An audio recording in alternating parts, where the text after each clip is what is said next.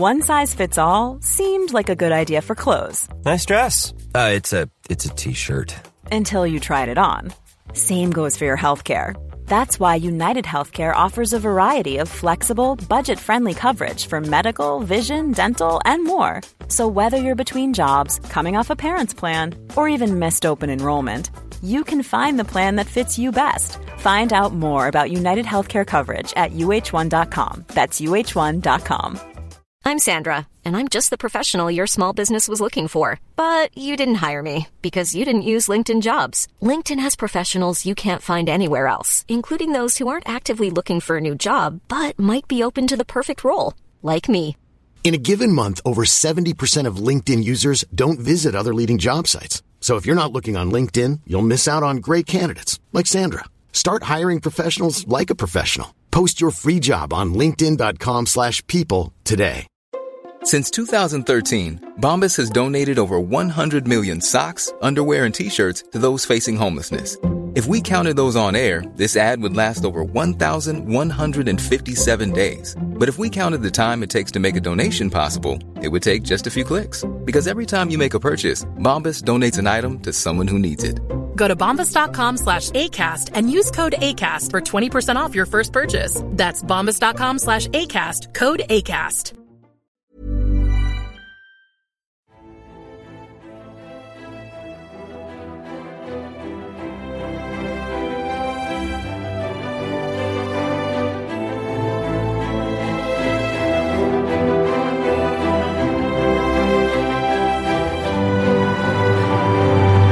Velkommen til Mægtige Middelalder. Et podcast, hvor middelalderforskere taler om den magiske, mystiske, mærkelige og frem for alt mægtige middelalder. En tusindårig periode, der er afgørende for Europas og Danmarks historie. Mit navn er Thomas E. Holm, og når jeg ikke er vært på denne podcast, er jeg lektor i middelalderhistorie ved Center for Medieval Literature på Syddansk Universitet. I dag har jeg ingen gæster i studiet, for som tidligere nået, så vil jeg også præsentere noget af min egen forskning her på podcasten. Så øh, jeg flyver solo i dag. Og dagens episode handler om et umiddelbart gådefuldt pirat eller kaperlag, der opstod i Roskilde i 1150'erne, muligvis i 1151. I historieforskningen kaldes det ofte for hvidemands lag eller lav, og det er opkaldt efter lederen Hvidemand. Øh, men vi kender det kun fra Saxo Grammaticus Danmarks Krønike, Gæster Danorum, og umiddelbart ved vi ikke så meget om Hvidemands lag, udover det Saxo skriver. Ikke desto mindre, så vil jeg i dagens episode slå et slag for, at dette Roskilde Piratlag øhm, kan ses som en slags missing link mellem vikingernes plyndringstogter og så den type købmandspirater, vi møder i høj- og senmiddelalderen. Her på Mægtig Middelalder tager vi jo som regel udgangspunkt i en kilde, og det gør vi selvfølgelig også i dag. Så lad os starte med at høre, hvad Saxo skrev om piraterne fra Roskilde. Som bekendt var Danmark i 1140'erne og 50'erne splittet af omfattende kampe om tronen. I historieforskningen kaldes det ofte for borgerkrigen, øhm, og det er faktisk en term, vi har lånt fra Saxo. Men den borgerkrig, der udkæmpes i Danmark, har ikke meget til fælles med det, vi forbinder med borgerkrig i dag. Og reelt var der nok mere tale om en tronfølgestrid, og i 1150'erne var det Svend Grate, Knud Magnussen og Valdemar, senere den store, der kæmpede om magten. Men mens de her kongsemner kæmpede om magten i Danmark, ja, så havde venterne, altså de øh, slaviske folkeslag, der befolkede kystegnen i den nuværende Nordøsttyskland og Polen, benyttede sig af splittelsen til at lave plyndringstogter mod Danmark, hvorfra de bragte rigdom og slaver tilbage til de vendiske byer. Og så kan man spørge sig selv, hvordan det relaterer sig til Roskildes pirater. Jo, Saxo beretter, at de mange vendiske overfald resulterede i, at en vis vedemand tog initiativ til at skabe sin egen antipirat enhed. bemandet med pirater. Selve termen pirat kommer vi tilbage til. Så lad os bare fortsætte her lidt endnu med Saxos beretning. Saxo fortæller, at piraterne kunne beslaglægge de skibe, de ville i Roskilde, mod at ejeren fik en 8. del af krigsbyttet i leje. Så det lyder lidt som om, at der var tale om en slags tvungen udlejning af skibe, dog mod kompensation. Og inden Hvedemands pirater drog ud, ja, så skriftede deres sønner, gjorde boet og indtog den hellige nadver, som om de skulle dø umiddelbart derefter. Og Saxo fortæller, at det gjorde piraterne, fordi de regnede med, at alt ville gå nemmere, hvis de havde forsonet sig med Gud, inden de drog i krig. Videre fortæller han, at selvom de var i undertal, de havde kun 24 skibe, ja, så sejrede de altid, og øh, det lykkedes dem i løbet af 1150'erne at besejre 82 af fjendens skibe. Byttet blev delt lige lidt. Ledere og menige fik altså samme mængde bytte. Det var det, man nok i dag vil kalde en flad organisationsstruktur. Saxo fortæller videre, at øh, når de så fandt kristne fanger i en besejret fjendes besiddelse, ja, så gav de dem tøj og lod dem rejse hjem til sig selv. Så stor var deres menneskelighed over for deres landsmænd, skriver Saxo. Og øh, når de så løb tør for penge, hvad der jo kunne ske en gang imellem øh, i militære operationer, ja, så indsamlede de tilskud fra Roskildes borgere mod, at disse fik halvdelen af byttet. Og på den måde blev Hvedemands lav altså snarere en, et kollektivt foretagende for Roskilde end sådan et enkelstående pirat outfit. Og stolt beretter Saxo, at dette pirat, eller måske skulle vi snarere sige kapersjak, startede Roskilde, men at det snart bredt sig til hele Sjælland. Se, den her passage i Gæster der Norum fylder kun en halv sides penge i den trygte udgave. Men der er rigtig, rigtig mange aspekter at tage fat i. Jeg har undersøgt nogle af dem i min forskning, og I kan finde henvisninger i show notes. Jeg kan ikke nå alle her. Så i denne episode vil vi bare koncentrere os om to ting, nemlig hvem var Hvedemand og piraterne fra Roskilde egentlig, og hvad mente Saxo overhovedet med ordet pirat?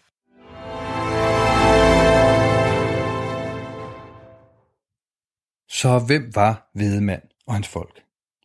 Tja, ud fra Saxos beskrivelse, synes piraterne oprindeligt at have været købmænd, søfolk og måske almindelige borgere i Roskilde. Saxo fortæller jo, at de organiserede sig som en slags selvforsvarsmilits til at modstå de vendiske overfald. Og hvem ved man? Hvem var han? Ja, vi kender ham som sagt kun fra gæster der nogen. Og beskrivelsen fra Roskilde er første gang, han optræder i Krønningen. Men han kom til at spille en vigtig rolle i de følgende vintertog som en slags ekspert i sø- eller piratkrig. Under et af de første vintertogter i 1160'erne skulle Valdemar med en relativt lille flåde organisere et overfald på det hedenske Ryggen. Da Valdemar kun havde en mindre styrke til rådighed, det ser ud som om, at støtten på det her tidspunkt har været noget vigende til Valdemars projekt, så da han kun havde den her lille styrke til rådighed, så sendte han Vedemand ud for at rekognosere. Vedemand øh, undersøgte ryen for at finde et passende anfaldssted, og så vendte han tilbage.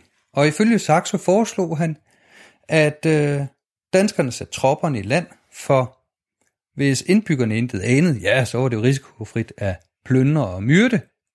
Og hvis ryboerne var forberedt, jamen så kunne man uden fare trække sig tilbage igen med det samme. Man kunne altså, understregede Vedemand, vælge fremgangsmåde ud fra plovmændenes opførsel. For når de havde gjort den første del af dagens arbejde, så plejede de at lægge sig ned og sove for at samle kræfter til de fortsatte anstrengelser. Men øh, hvis ingen af dem sov, ja, så kunne man tage som tegn på, at befolkningen var på vagt. Hertil svarede Valdemar noget muggen, at den taktik måske nok var okay for en pirat, men den var ikke helt passende for en konge. For man havde da aldrig hørt, at danske konger havde lavet sig på, jage på flugt af vintere. Og det er her lidt uklart, om Valdemar afviste taktikken, fordi det var under en konges værdighed at benytte sig af sådan nogle snigmanøvrer, eller om det snarere skyldtes risikoen for, at han kom til at se ud, som om han flygtede fra vinterne. Hvorom alting er, så synes taktikken nu uh, umiddelbart ganske fornuftig ud fra sådan et hit-and-run perspektiv. Og jeg synes, det illustrerer meget godt Vedmands øh, umiddelbar ekspertise i sø- eller piratkrig. Vedmand optræder øh, et par gange derefter i krøniken, øh, nærmest i side bemærkninger. Og sidste gang han er med, er det sammen med Esben Snare på et piratjæger togt mod Øland. Her er det estiske pirater, de er efter. Og så hører vi ikke mere til ham. Det kan selvfølgelig være, fordi han er død. Eller han havde trukket sig tilbage. Men på grund af Saxos understregning af vigtigheden af, at Vedemands pirater skriftede, inden de øh, drog ud, ja, så har øh, nogle af mine kolleger, det er blandt Janus Møller Jensen og Kurt Villas Jensen, foreslået, at Vedemands piratsjak øh, måske var blevet opslugt af korsvarerorden Johanniterne, der netop kom til Danmark i 1160'erne og øh, første gang slog sig ned i nærheden af Slagelse ved Antvorskov. Eller at de øh, simpelthen kom til at udgøre læg korsfare broderskaber, som det kendtes fra samtidens Spanien, øh, hvor der jo er raset en, en krig mellem kristne muslim og muslimer i det, der hedder Reconquistaen. Og der har de, de her to af mine kolleger argumenteret for, at det kunne være lidt det samme med vedemandslag. Øhm, og det kan da ikke afvises. Men jeg er skeptisk over for øh, Johanniter-ideen, øh, blandt andet fordi de aldrig synes at have været militært aktive i Østersøen. Og personligt synes jeg mere, der er tegn på, at Vedemands piratsjak ikke uddøde, men at de kom ud til at udgøre grundstammen i de knudskilder, altså købmandslag, der i de år begyndte at etablere sig i de danske købsteder, og endda også på Gotland, som var knudepunkt for handel i Østersøen og korstog i Baltikum. Hvis den her transition til knudskilderne passer, ja, så illustrerer det i hvert fald fint det her aspekt med, at man i middelalderen ofte kunne kombinere krig med handel. For vi skal jo huske på, at Vedemands Schack oprindeligt synes at have været købmænd og søfolk. Og lad os grave lidt dybere i navnet Vedemand. Det er jo noget af parte, og en journalist, jeg engang øh, talte med, troede, at Vedemand staves med H, således at han var opkaldt efter korn, kornsorten hvede. Det er han med garanti ikke. Men navnet er ukendt i Norden. Og det er sandsynligt, at han var tysker. Saxo skriver nemlig Vete Manus, W-E, T-H-E-M-A-N-N-U-S, hvilket er en latinisering af et tysk navn, der kunne lyde noget i stil med Widimann. Og mann, endelsen, er ikke af nordisk oprindelse. Men hvad, hvad ved man, Widimann, eller hvad han nu har heddet eksakt, hvad det betyder præcis, ved vi ikke rigtigt. Måske betyder det jæger, eller måske er det slet ret et embedsmandsnavn, som min kollega Michael Gelting har foreslået.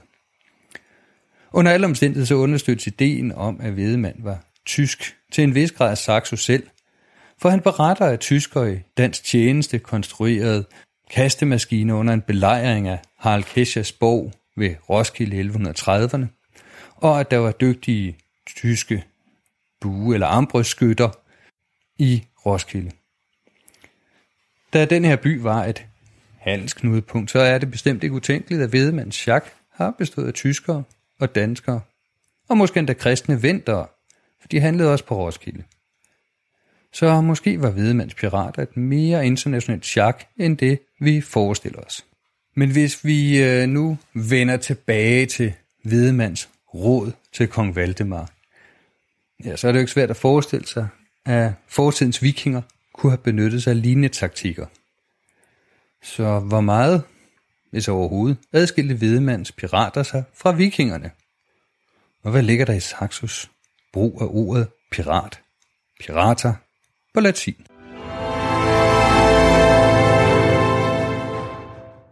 Pirata. Pirater. Saxo benytter termen pirata over 100 gange i Gesta Danorum, og han brugte den om fjender såvel som om helte. Og det kan jo lyde lidt mærkeligt i dag, hvor vi på dansk instinktivt forbinder pirater med sørøvere, altså røvere på havet. Om det så er tale om somaliske pirater, der for en 10 år siden gjorde øh, farvandene i Adenbugten usikkert, eller om der er tale om fiktionens mere sexede oprører som Jack Sparrow fra Pirates of the Caribbean-filmene, ja, så kommer det egentlig ud på et. Ordet betyder umiddelbart det samme for os. En røver, der står i modsætning til staten og det etablerede fællesskab, og som ved vold skaffer til sin egen berigelse. Den her opfattelse af piraten som fællesskabets fjende har sin oprindelse i antikken.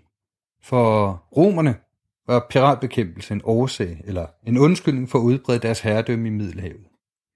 Og deres tænkning om pirater blev klarest formuleret af Cicero, der skrev, at pirater ikke var at regne blandt regulære fjender, som for eksempel øh, diverse bystater i Grækenland, eller fyrstendømmer i Lilleasien, eller andre, hvad kan man sige, samfund, øhm, som man kunne føre krig mod. Nej, pirater var ikke blandt de regulære fjender, de var alle samfunds fjende. De var hinsides de civiliserede samfund, som man måske nok ført krig mod, men som man også kunne slutte fred med og indgå veje, aftaler osv. Af samme årsag mente Cicero, at man ikke behøvede, behøvede at overholde aftaler eller, i mangel af bedre ord, traktater med pirater. Det var altså alle civiliserede samfunds opgave at udrydde pirater. Og det vidste Saxo godt. Men der er det drilske ved Saxo, at selvom han skrev på et latin, der efterlignede de romerske klassikere, og han på mange måder beundrede romeriet, ja, så benyttede han i tilfældet med pirater åbenlyst en anden forståelse af ordet pirat. Og hvorfor nu det? Ja, det har dels noget at gøre med måden, hvorpå danskerne førte krig i Østersøen, og så har det noget at gøre med vikingerne. Så i krøningen beskrev Saxo altså både hedenske venter og danske helte, som for eksempel den navnkundige Regner Lodbro, som pirater. Ja, selv Saxos måske største helt, biskop Absalon, beskrev han som en mand, der var lige så meget pirat, som han var præst. Og det var en ros fra Saxos side. Men mens danske pirater var helte, ja, så var vinter åbenlyst nogle lede udskud, der skulle knægtes. Og grunden til det var for det første, at brugen af ordet pirat hos Saxo understregede en kontinuitet fra de første danske kongerdog på pirattogter over vikingerne og frem til samtidens søhelte. Og mens nogle af Saxos samtidig gejstligt undskyldte og skammede sig over vikingernes angreb på det kristne Europa, ja, så valgte Saxo at vende historien om, og i stedet stolt at fremhæve, hvor dygtige og sejrige vikingerne var. Selvom han dog også anerkendte visse af deres fejl. For eksempel Reiner Lodbro, øh, der er døde i en irsk ormegård som Guds straf, efter han har forfulgt de kristne. Omvendelsen af Danmark til kristendom gjorde imidlertid ikke, at danskerne glemte deres store evner i søkrig. Nej, nu brugte de i stedet for deres formidable evner i en god sags tjeneste, nemlig til at beskytte fædrelandet Danmark mod fjendtlige plyndringsmænd og til at forsvare og udbrede kristendommen. Og det er den forstand, man skal forstå Saxos ros af Absalon som pirat. Det var ikke en sørøver, det var en søkriger, der vogtede Danmarks kyster. Og på den her måde der blev ordet pirat hos Saxo forvandlet fra statsfjendtlige personer til et mere neutralt udtryk for søkrigere. Så om en pirat var helt eller skurk afhang af, hvilken sag han kæmpede for. Den her forståelse kan Saxo have hentet fra kirkefaderen Augustin, der i værket om Guds stad fra omkring år 410 refererer en fiktiv samtale mellem Alexander den Store og en tilfangetagen pirat. Her spurgte Alexander rasende piraten, med hvilken ret han hjemsøgte haven med vold. Og piraten svarede igen, med samme grund, som du overfalder hele verden. Eftersom jeg gør det med et lille skib, kaldes jeg en pirat, mens du kaldes kejser, fordi du gør det med en stor her. Pointen med denne historie var dog ikke at relativisere voldsanvendelse, for som optakt til samtalen, der beskriver Augustin, hvordan forudsætningen for legitim voldsanvendelse er en retfærdig årsag.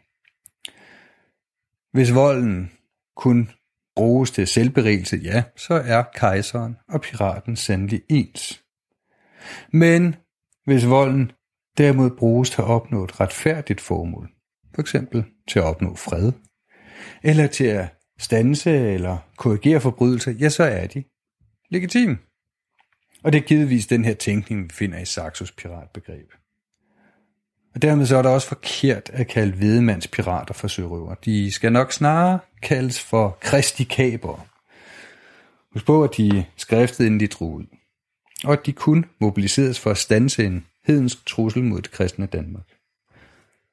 Og husk også på, hvordan pirat, eller måske snarere kabervirksomheden, blev til et kollektivt anlæggende for Roskilde. Det var en selvforsvarshandling, og det var kun rettet mod vinterne, ikke mod alle andre rejsende i de danske farvande. Er de så helt uskyldige, de her hvedemandskrigere? Ja, den opmærksomme lytter vil måske her kunne indvende, at de der tog bytte. Og det gør vel hvedemand til en røver alligevel. Og her må svaret også være nej, for i al før moderne og en del moderne krigsførelse, der var plyndring et grundvilkår. Dels fordi alle samfund, indtil for et par hundrede år siden, var ressourceknappe samfund. Redskaber kunne gå i arv. Tøj og sko holdt i mange år, måske et halvt liv. Og der var altid en risiko for, at høsten kunne slå fejl med hungersnød som konsekvens. Og derfor var plyndring et usympatisk grundvilkår i krig, både for at overleve og for at tjene som belønning eller ligefrem incitament for krigerne. Baseret på romers tænken, der udviklede man i middelalderen et sindrigt regelsæt for retfærdig krig. Og det er sådan set et regelsæt, vi egentlig øh, til en vis grad stadig bruger i dag, for det udgør skelettet i moderne krigskonventioner. Og i det her regelsæt var der øh, bestemmelser for, hvor meget bytte man måtte tage. Ikke som berigelse. Husk nu, Augustins fordømmelse af vold med berigelse for øje, men som en slags krigsskadeerstatning. Så på den vis kan man sige, at bytte ikke inkriminerede en kriger, der kæmpede for en retfærdig sag. Der var til gengæld et andet aspekt af Vedemands piratsjak, der udgjorde et problem for Saxo. For bytte bestod til synland ikke kun af gods, men også af mennesker. Som lytteren sikkert ved, så var piraterne jo, eller så var undskyld, vikingerne blandt andet, slavejæger og ejere. Og det er at tage krigsfanger som slaver synes først at ophøre i Danmark i 1200-tallet. Så tog vedemands pirater slaver. Tja, Saxo nævner, at når de fandt kristne fanger, så ikke blot frigav de dem, de gav dem også tøj. Husk, det ressourceknappe samfund. Og ordet for bytte, eller plyndringsgods, rauba, kommer af det germanske ord for tøj. Så når man blev berøvet, så blev man bogstaveligt talt klædt af til skinnet. Og man kan sige, at ved at give de her kristne, der tøj, gjorde vedemandskabere dem så at sige til mennesker, frie mennesker igen. Men som Niels Skyum Nielsen påpegede for snart 50 år siden, ja, så også henstår spørgsmålet om, hvad kaberne gjorde med hedenske fanger. Og her tyder alt på, at de blev taget som slaver. Men det skriver Saxo ikke. Og hvorfor ikke det? Svaret er formentlig, at mens Saxo ikke har noget problem med at være stolt af vikingernes militære kunden og bedrifter, og alt kom til alt, var franskmænd og tyskere jo heller ikke flove over Karl den Stores voldsomme erobringer. Ja, så havde han et problem med hensyn til slaveri. I det nuværende Frankrig og Tyskland blev slavegørelsen af besejrede fjender nemlig opgivet og fordømt mellem år 900 og 1000. Og drivkraften i det her opgør med slaveri var dels en generelt demografisk vækst i Europa, der gjorde slavehold urentabelt, og dels en kraftig fordømmelse af slaveri fra kirkens side. Med normandernes erobring bredte opgøret med slaveri sig til England, og i løbet af 11- og 1200-tallet spredte det sig langsomt, men sikkert til resten af Nordeuropa. Det her det synes at være et unikt opgør med en verdenshistorisk konstant i før moderne krigsførelse. Nemlig at de besejrede blev gjort til slaver. Og hvis vi lige vender tilbage til Vedemand igen, ja, så må man sige, at Saxo givetvis ikke har fundet opportunt at fremhæve en dansk slavetagningsinstitution, der stadig var i vi gør i 1100-tallets Danmark. Men durkdreven som han var, ja, så fortidede han ikke de faktiske omstændigheder. I stedet så spandt han, som den dygtige spindoktor han var, beretningen sådan, at frigivelse af kristne slaver kom til at fremhæve piraternes fromhed, og det skulle selvfølgelig stå i modsætning til venternes øh, ondskab. Og derudover, så kom frigivelsen af de kristne også til at understrege det retfærdige i Hvidemands pirat eller kaper operationer.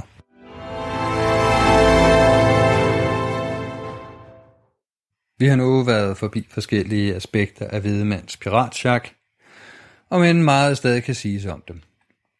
Men jeg lovede i starten at fortælle, hvordan hans pirater kan ses som en slags bindeled eller missing link mellem vikingerne og senmiddelalderens pirater. Vikingerne var jo som bekendt berygtet for deres plyndringstogter, men de skandinaver, vi kalder vikinger, og ordet viking betyder ret beset ikke andet end pirat, de var lige så meget købmænd, og indimellem også kolonister, som de var krigere. Og på den måde så lignede de egentlig meget godt vedemandspirater. Men vikingernes plyndringstugter fandt sted i en tid med en meget svag kongemagt. Og vikingernes ledere var ikke danske konger, men høvdinge og stormænd, der for egen vinding søgte gevinst ved deres togter. I 1100-tallet blev den danske kongemagt imidlertid stærkere, og sådanne private plyndringstogter blev i stigende grad uleset af kongerne. Og Vedemands pirater befinder sig her i en gråzone.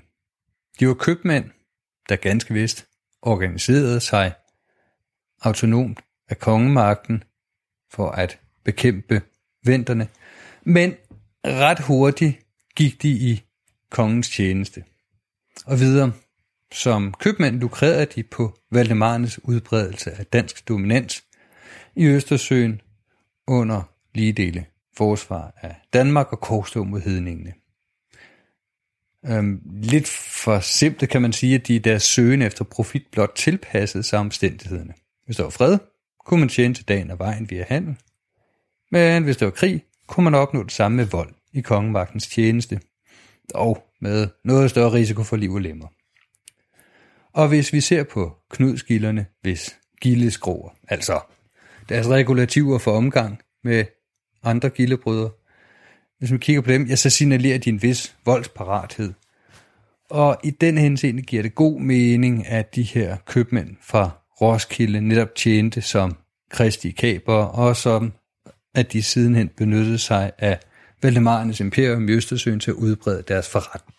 Vi har i dag en tendens til at skælne skarpt mellem fredelige købmænd og voldelige pirater. Men det er en meget moderne sondring, der hænger nøje sammen med statens voksende magt fra højmiddelalderen frem til i dag. Og i løbet af høj- og senmiddelalderen ophørte de her private plyndringstogter, øh, som dem vikingerne udførte. Men købmænd fortsatte med at være de primære pirater i Østersøen.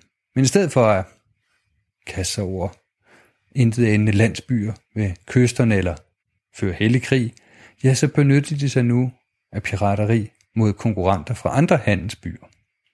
For at parafrasere den tyske militærteoretiker Karl von Clausewitz, ja, så blev pirateri til fortsættelsen af handel med andre midler. Og det var måske også det, Hvedemands Jacques egentlig var i gang med allerede i 1150'erne. Det bliver de sidste ord for denne gang om Vedemand og Kristi Kæber for Roskilde.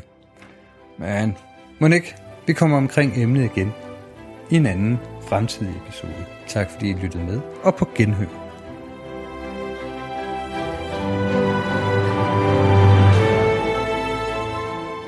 Det var alt for nu på Mægtige Middelalder. Jeg håber, I har nyt dagens episode. Som altid kan I finde henvisninger til de tekster, jeg har nævnt i episoden, i show notes. I kan finde Mægtige Middelalder på de fleste podcast-afspillere, og I kan følge den på Facebook og Instagram. Hvis I har spørgsmål, ris eller ros, kan I skrive til Mægtige Middelalder, gmail.com. Tak fordi I lyttede med.